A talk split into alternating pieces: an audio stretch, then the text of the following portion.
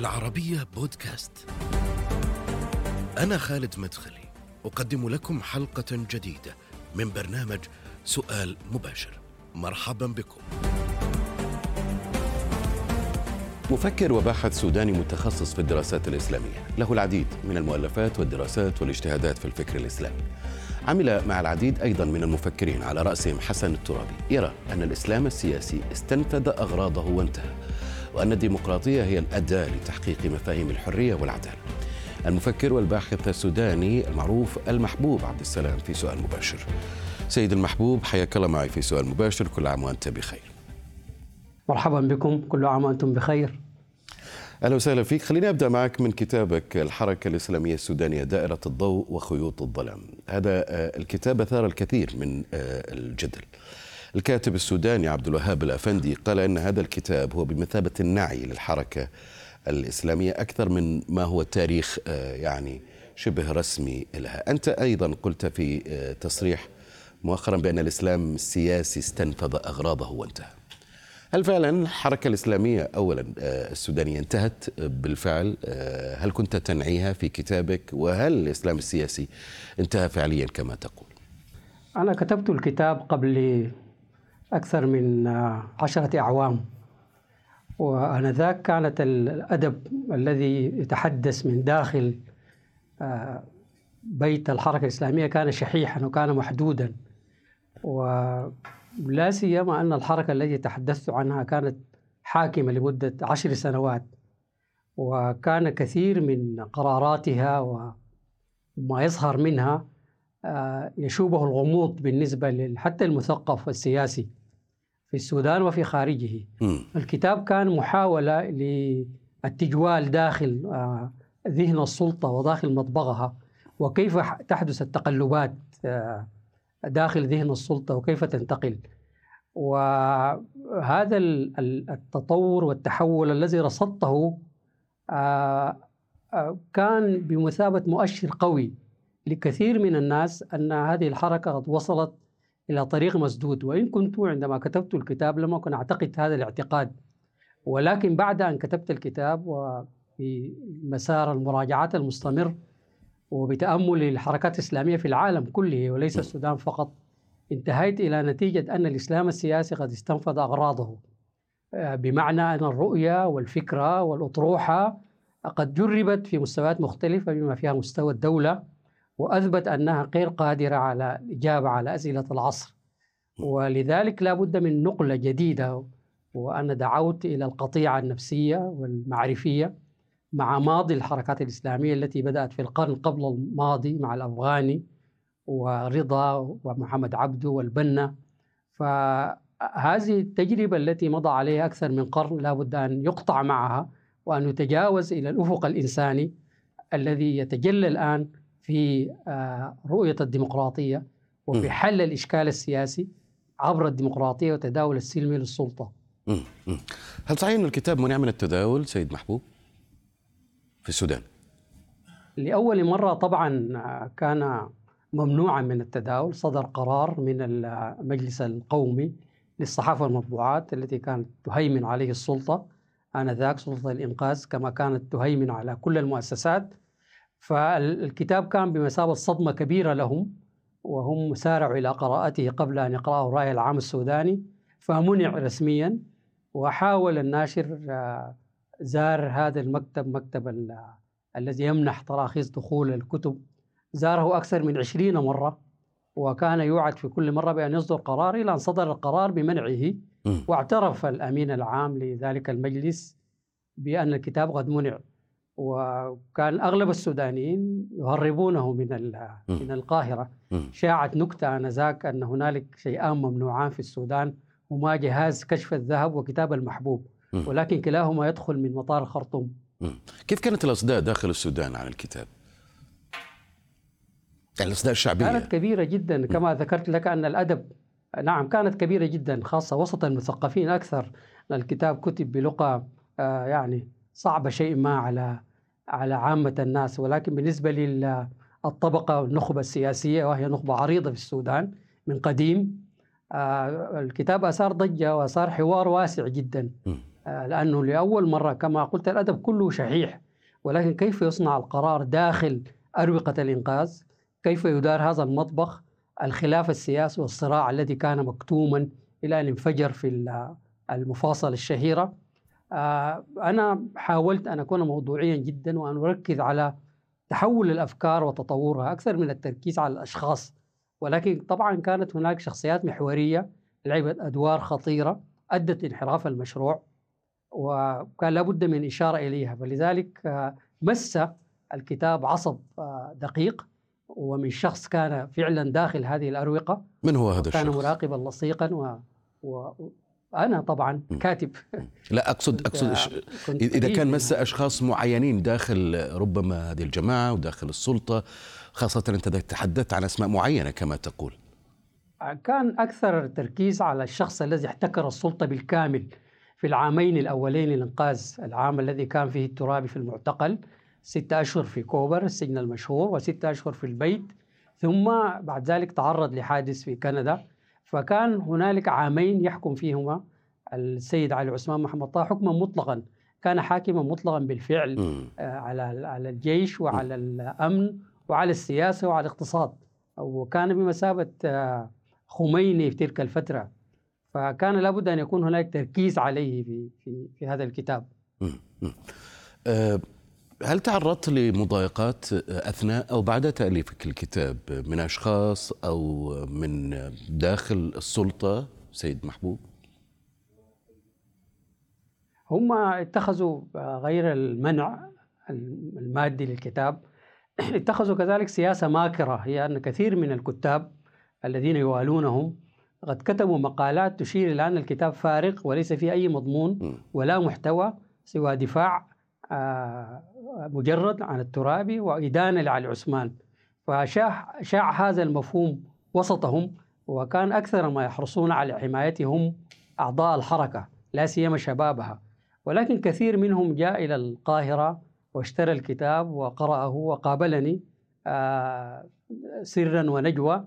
وحدثني أن الكتاب أحدث صدمة وسط شباب الحركة الذين كانوا يرون أن قيادتهم هي قيادة مقدسة لا تخطئ. ولكن الكتاب هذه الشخصيات المقدسة الرفيعة قد أعادها إلى الأرض وحولها إلى شخصيات عادية دون العادية تتآمر وتبذل مجهود كبير في المكائد وفي المكاسب الشخصية وكذلك تمارس الفساد وتمارس التعذيب. فكل هذا كان بمثابة صدمة للقاعدة الشبابية للحركة. طبعا غير أني تحدثت عن مواضيع مهمة عن علاقة بين الجيش والتنظيم. عن التحول في الحكم الاتحادي وتطوره ممتاز. عن الاقتصاد اقتصاد الإنقاذ من الفلسفة إلى الفوضى. فالكتاب كبير فيه 450 صفحة وفيه فصول كثيرة وكان أنا كنت أحاول أكون موضوعيا جدا وأكثر ما أركز على الأفكار ليس الأشخاص. جيد. في تصريح لك آه، وقلت قبل قليل بأن الإسلام السياسي كنتيجة يعني لدراستك وبحثك استنفذ أغراضه آه، وانتهى. لكن عندما تقول إنه استنفذ أغراضه وانتهى أنا أريد أن أعرف ما هي هذه الأغراض؟ وهل كان أداة لقوة خارجية معينة فرضته في فترة آه، معينة لأهداف ومصالح؟ هو الإسلام السياسي كان يزعم أنه يريد أن يؤوب بالحياة العامة إلى الدين يريد أن يؤوب بالاقتصاد وبالسياسة وبالجيش والجهاد وبالتعليم وبالإعلام وحتى بالعلوم البحتة وبمناهج التعليم. هذه كانت مزاعم الإسلام السياسي بأنه يريد أن يحكم الناس ليطبق هذا الإسلام الشمولي. ولكن ثبت أن النظرية خضراء الرمادية والتجربة خضراء. أن إذا أردت أن تحول الإقتصاد المعاصر الكثيف المعقد العالمي الموصول بكل الدنيا إذا أردت أن تحوله إلى اقتصاد إسلامي فهذا زعم كبير. ويحتاج إلى دورة حضارية. الذي حدث في الغرب منذ القرن السادس عشر أن هنالك نهضة حضارية كاملة كما حدث في القرون الإسلامية الأولى. لكن مثل بسيط جدا في السودان مثلا أكثر ما كانوا يهتمون به هو التربية وإعادة صياغة الإنسان السوداني ولكن سلموا مناهج التعليم بالكامل لمدة 30 عاما. في كل مكان. لكن اتضح أن في كل دول العالم العربي تقريبا سلموا مناهج التعليم يعني هذه الجماعات. نعم صدقت. نعم نعم. أغلبهم كانوا معلمين وانتشروا. ولكن في السودان القرار نفسه القرار السياسي المتحكم في المناهج كان في يد الحركة الإسلامية. ولكنها لم تولي التعليم هذا الاهتمام الذي يستحقه رغم أنها تحدثت عن ثورة التعليم. والمفارقة هو أن الجيل الذي خرج بالملايين وأسقط الإنقاذ هو خريج هذا المنهج. فأنا أسميته منهج الشيئية والتقديس. كان يهتم بأن يكدس المعلومات في ذهن الطالب بتحفيظه آه، مقدار هائل من الأحاديث والآيات. ولكن هذا هذه الشيئية والتقديس ذابت عند أول اختبار عند أول مواجهة. فالشعار الذي كانت أول مواجهة اعاده صياغة الإنسان السوداني. آه، كانت حقيقة عدة مواجهات آه، محدودة في في خاصة في السنوات الأخيرة التي تلت انفصال الجنوب. في عام 2012 قامت ثورة محدودة في يونيو ثم في 2013 كانت هناك أوسع في سبتمبر ثم انفجر الأمر في ديسمبر 2019 طيب. انفجر السودان كله ونزل إلى الشوارع إلى أن أسقط الإنقاذ أغلب الذين خرجوا خاصة في البداية وتحملوا الوطأة الأولى الشديدة وطأة الرصاص والعنف البالغ الذي مارسته الأجهزة الأمنية كانوا من الشباب من الأجيال الصغيرة جدا خريجي هذه المدارس وخريجي هذه المناهج. وحتى هم تحدثوا عن ذلك بعض قادة الإنقاذ آنذاك. تحدثوا أننا ينبغي أن لا نخاف من هذه المظاهرات لأن الذين خرجوا هم خريجين هذه المدارس وهذه مجرد مؤامرة آه، شيوعية ويسارية وبعثية تريد أن تضلل هؤلاء الشباب. ولكن علينا أن نصلهم ونخاطبهم. وطبعا هذا كان خطاب متأخر لأنه أنت كان بإمكانك أن تعيد فعلا صياغة الإنسان السوداني الذي استلمته منذ المرحلة ما قبل التعليم المدرسي منذ رياض الأطفال أنت استلمته ولكن لم تستطع أن تحول. أنا ضربت مثل بالتعليم. أه قلت أيضا في في حديثك بأن حركة الإخوان المسلمين المصرية وهي أم الحركات الإسلامية تحولت إلى أه طائفة. يعني خلينا أه، إشارة بسيطة ومختصرة. ما هي كيف كانت علاقة أه، حركة الإخوان المسلمين في مصر كحركة تعتبر هي الأم الجامعة الحركات الإسلامية وحركة الإسلام أه، الموجودة في في في السودان. بشكل مختصر سيد محبوب. العلاقة كانت متوترة جدا لأنه فور خروج السودانيين قادة الحركة من المعتقلات بعد المصالحة الوطنية. في عام 77 طرحت مسألة التنظيم الدولي. وبالمقابل طرح الترابي والقيادة السودانية أنهم لا يؤمنون بتنظيم دولي لحركة إسلامية عربية ولكن يؤمنون بتنسيق عام بين حركات الإسلام في العالم كلها العربية الباكستانية والإفريقية وفي أمريكا وفي أوروبا. وكان هذا بمصابة صدمة كبيرة لأنه وفقا للائحة الإرشاد عام 1948 أن تنظيمات الإخوان العربية هي فروع للتنظيم الأم في مصر. فاعتبروا أن ذلك تمردا من الحركة وخاصة من الترابي يريد أن يكون مركزا وزعامة ووسمت هذه العلاقة طيلة سنوات الفترة التي سبقت الإنقاذ وبعضا من فترة الإنقاذ وقام هنالك تنظيم آخر صغير باسم الأخوان المسلمين بقيادة الشيخ صادق عبد الله عبد الماجد كان يبذل البيعة للتنظيم الأم في مصر وكان بعضا من التنظيم الدولي ولكن تنظيم السودان لم يكن أبدا بعضا من التنظيم الدولي ماذا تقصد بأن حركة الإخوان المسلمين اليوم تحولت إلى طائفة؟ أنا عشت في مصر فترة ودرست فيها وهذه المسألة كذلك تناولها كثير من الباحثين أن الشخص يتخرج من الجامعة فيعمل أخ المسلم في شركة الجماعة ويصلي في مسجد الجماعة ويتزوج ابنة رئيس الشعبة وإذا تحرك حتى التاكسي يكون هو تاكسي الجماعة. فكان هنالك مجتمع مصري آخر صغير آه، في حركة الإخوان وهذه سمة الطائفة التي بدأت منذ مرحلة مبكرة أظن أن منذ أيام البنا منذ أن كان لهم مدارس خاصة ومعاهد خاصة للنساء وكانت له مستشفيات خاصة وشركات خاصة وجيش خاص طبعا حارب في فلسطين. فمنذ ذلك شبكة كبيرة ومنظمة يعني. قريب مجاور نعم نعم. هي حركة, حركة كبيرة ولكنها كذلك تقيم فاصل بينها وبين المجتمع المصري وهذا أدى إلى المواجهة التي حدثت مؤخرا. وهذا ما أشرت إليه أنا في أحد المقالات التي كتبتها قبل أربع أيام من التحول الذي قاده الرئيس السيسي. طب مش آه، يعني البعض مثلا يقول إنه آه، الحكم بهذا الشكل هو تسطيح. يعني مثلا الكاتب بكر فيصل يقول إن جرأة الأستاذ المحبوب في إعلان رأيه حول مستقبل تيار الإسلام السياسي يجب أن يصحبها جهد فكري معمق. يهدف لتفكيك الأفكار الأساسية التي انطلقت منها جماعة الإخوان المسلمين وتأسيس كتابات ناقدة للرسائل وخطب وكتابات المرشد المؤسس بجانب أفكار سيد قطب ومحمد قطب والترابي آه، وغيرهم. حتى الآن يعني إلى أي مدى هناك بالفعل آه، آه، أهمية لتفكيك هذه البنية الفكرية لجماعة الإخوان المسلمين بشكل عام وجماعة الإسلام السياسي يعني جماعة الإسلام السياسي بشكل عام اليوم؟ والأمانة تقتضي أن نقول أنهم ما زالوا مؤثرين على قطاعات واسعة. وما ذكره الأستاذ بابكر فيصل صحيح بنسبة كبيرة جدا. المفاهيم الرئيسية مثلا آه، مفهوم الشمول. هل يمكن للإسلام فعلا أن يكون شاملا بهذا المعنى؟ ومفهوم الحكم. هل الحكم الذي ورد في القرآن يعني الحكم بالمعنى المعاصر؟ هل توجد دولة إسلامية في الإسلام بهذا المعنى المعاصر؟ ما هي الشريعة التي تعنيها؟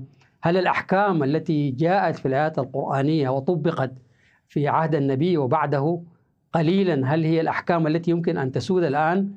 هذه المفاهيم فعلا تحتاج أن تفكك. أنا قرأت قبل مدة كتاب جيد جدا كتبه أحد أساتذة الفلسفة والأستاذ آه، فتح الرحمن التوم اسمه كولونيالية الإسلام السياسي. بذل مجهود كبير في تفكيك هذه المفاهيم. أنا حتى الآن ما زلت أشتغل على تاريخ الحركة أشتغل في الجزء الثاني من الكتاب وسميه تأملات في المآلات. ولكن بعد أن أفرق من هذه المسألة سأعمد فورا إلى مناقشة أصول هذه الأفكار التي تبناها الإسلام السياسي وهي ليست خاصة فقط بالإسلام السياسي ولكنها سائدة في كل المعاهد التقليدية التي تخرج كل عام آلاف المخرجين ويؤثرون. هذا الاجتهاد الواسع كانت الحركة في السودان منوطة به. مثلا عندما ذهبوا إلى مفاوضات السلام مع الجنوب لم يستطيعوا أن يصلوا اجتهاد يستثني فقط العاصمة من تطبيق قوانين الشريعة وانتهى الأمر بفصل آه، ربع السودان. جنوب السودان أصبح دولة مستقلة وكعب وخيل والعقدة كانت بقوانين الحدود رغم أنها لا تطبق. المفارقة أنها لا تطبق. غير التعليم كنت سأضرب مثل بالاقتصاد. طيب. كان هنالك تمويل لسد بني. تفضل. اليوم وش وضع وش وضع حركة الحركات الإسلامية؟ أنت تقول مثلا بأن هذه الحركة الإسلامية تخطط لنفسها عبر مراحل. مرحلة كمون ثم مرحلة ظهور ثم مرحلة آه، آه، تمكين. اليوم في أي مرحلة يعني؟ وإذا قلنا بأنه أنت تقول بأنها استنفذت أغراضها وانتهت هل يعني بأنه انتهت كل هذه المراحل واختفت أم أنهم بالفعل اليوم ما زالوا أو عادوا إلى مرة أخرى إلى مرحلة الكمون وصولا بعد ذلك إلى الظهور ثم التمكين؟ وطبعا آه، أنت عملت في المجتمع لخمسة عقود لخمسين عاما لنصف قرن ثم عملت في الدولة لثلاثة عقود لثلاثين عاما. فهذه تجربة مكتملة. أنت جربت هذه الشعارات وهذه الأفكار في المجتمع وجربتها في الدولة وانتهت إلى بوار إلى خيبة. وعندئذ أي حركة إنسانية تعيد النظر بعمق وبتجرد كامل لترصد أخطائها ثم لتنفذ إلى رؤية جديدة. وهذه المرحلة التي أنا دعوت إلى أن تكون هي مرحلة قطيعة نفسية ومعرفية لأنه قلت أن هذا التيار تأسس قبل أكثر من قرن مع مع الأفغاني تيار الإسلام السياسي لأنه الأفغاني تلميذه محمد عبده محمد عبده تلميذه رشيد رضا ورشيد رضا تلميذه البنا. هذه حركة الإحياء التي بدأت منذ ذلك الوقت. في تونس حدث اجتهاد جيد لا بأس به حاول أن يفصل الدعوي عن السياسي ولم يكن كافيا لأنه أي إنسان يريد أن يتصدى لتحويل المجتمع إلى إلى مجتمع إسلامي عليه أن يجيب على أسئلة المناهج الحديثة التي بحثت في القرآن وبحثت واضح. في الحديث وبحثت في الحالة الحضارية كلها منذ مالك بن نبي أنه هنالك حالة حضارية أنا كنت أريد أن أشير إلى مثل بسيط أنهم أرادوا أن يمولوا سد مروي ولكن القروض كانت ربوية. فعندما أو تصوروا أنها ربوية بالمعنى الربا في في مكة والمدينة. فذهبوا إلى مجمع الفقه الإسلامي وقال أن هذا حرام وكانوا يريدون أن يبنوا السد بأيما طريقة. فعقدوا مؤتمر اقتصادي. الذين قدموا أوراق في المؤتمر قالوا أن هذا كان أصعب شيء عليهم أنهم يريدون هذه القروض الدولية. وأسهل شيء كان عليهم أن يقارنوا بين الربا وأحكامه. التي كانت تتطور والقرآن ينزل وبين الاقتصاد السياسي والمعاصر الكثيف. فلم يستطيعوا أن يقوموا بهذه الاجتهادات طيب. لأنهم لم يكملوا مراحل القطيعة المعرفية والنفسية مع تاريخ الفقه الإسلامي ومع ماضي الإسلام السياسي. ما زال السودان اليوم يعاني من انقسام سياسي وخلاف كبير أيضا بين النخب المدنية والعسكرية. ولا أحد يعرف بالفعل إلى أين يتجه السودان. آه، تم تأجيل توقيع الاتفاق السياسي النهائي أكثر من مرة. آه، حميدتي يعني في موضوع آه، الدمج بين قوات الدعم السريع والجيش كان له تصريح ملفت بأنه طالب بتطهير الجيش من أنصار البشير. إلى أين اتجه السودان برأيك؟ وهل يمكن أن ينجح أي اتفاق سياسي بين قوى مدنية وقوى عسكرية في السودان تحديداً؟ السودان له تجارب طويلة في الانتقال يعني بعد الاستقلال كان هنالك انتقال بعد ثورة أكتوبر كان هنالك انتقال. كان هنالك انتقال طويل بعد 2005 بعد اتفاقية السلام الشامل. ولذلك هذه التجارب كان ينبغي أن لا تهدر. من سوء الحظ أنه كثير من رموز السياسية والفكرية التي كانت تقود الأحزاب وتقود المعارضة وبعضهم كان حتى في السلطة من قادة الحركة الإسلامية كانوا يمثلون مستودع للحكمة. ولكن مع التغيير غالب هذه الشخصيات غابت. آه، بالموت الطبيعي أغلبهم وبعضهم بالتقدم العمر فتصدت للقيادة بعد الثورة أجيال شابة عندها تجارب محدودة. ولذلك أنا دعوت أول ما دعوت أن الثورات كلها تحتاج إلى قيمة اسمها التسامح. السودان يحتاج إلى مصالحة ضخمة مصالحة كتل ليس فقط بين الدعم السريع والجيش. ولكن أقاليم بأكملها في السودان غرقت في الحرب الأهلية. الأقاليم أهملت منذ منذ البداية. آه الآن هنالك جدل عن إدماج الحركات جيوش الدعم السريع في الجيش وهذه تجربة في العالم كله موجودة يعني وفيها حلول وأفكار ورؤى وتفاصيل فنية يمكن أن نصل إلى حل. ولكن المعضلة هي أنه كيف يمكن أن نجد صيغة نحدد بها كيف يحكم السودان.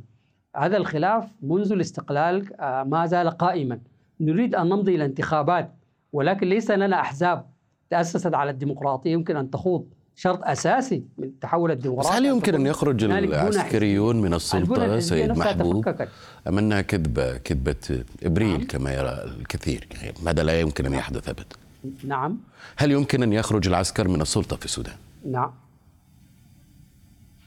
والله هذا آه، يطرح كشعار ولكن واضح أن المؤسسة العسكرية في السودان لها خبرة سياسية ضخمة وراكمت تجارب وهم يدرسون التكتيك والمناورة ولذلك يجيدون التدخل في العمل السياسي. طيلة عهد الإنقاذ كانت كل مرة تصل فيها المفاوضات السلام مع الحركة الشعبية إلى مرحلة تسبق التوقيع ينهار لأنه الجيش يتحرك ويحتل مدينة.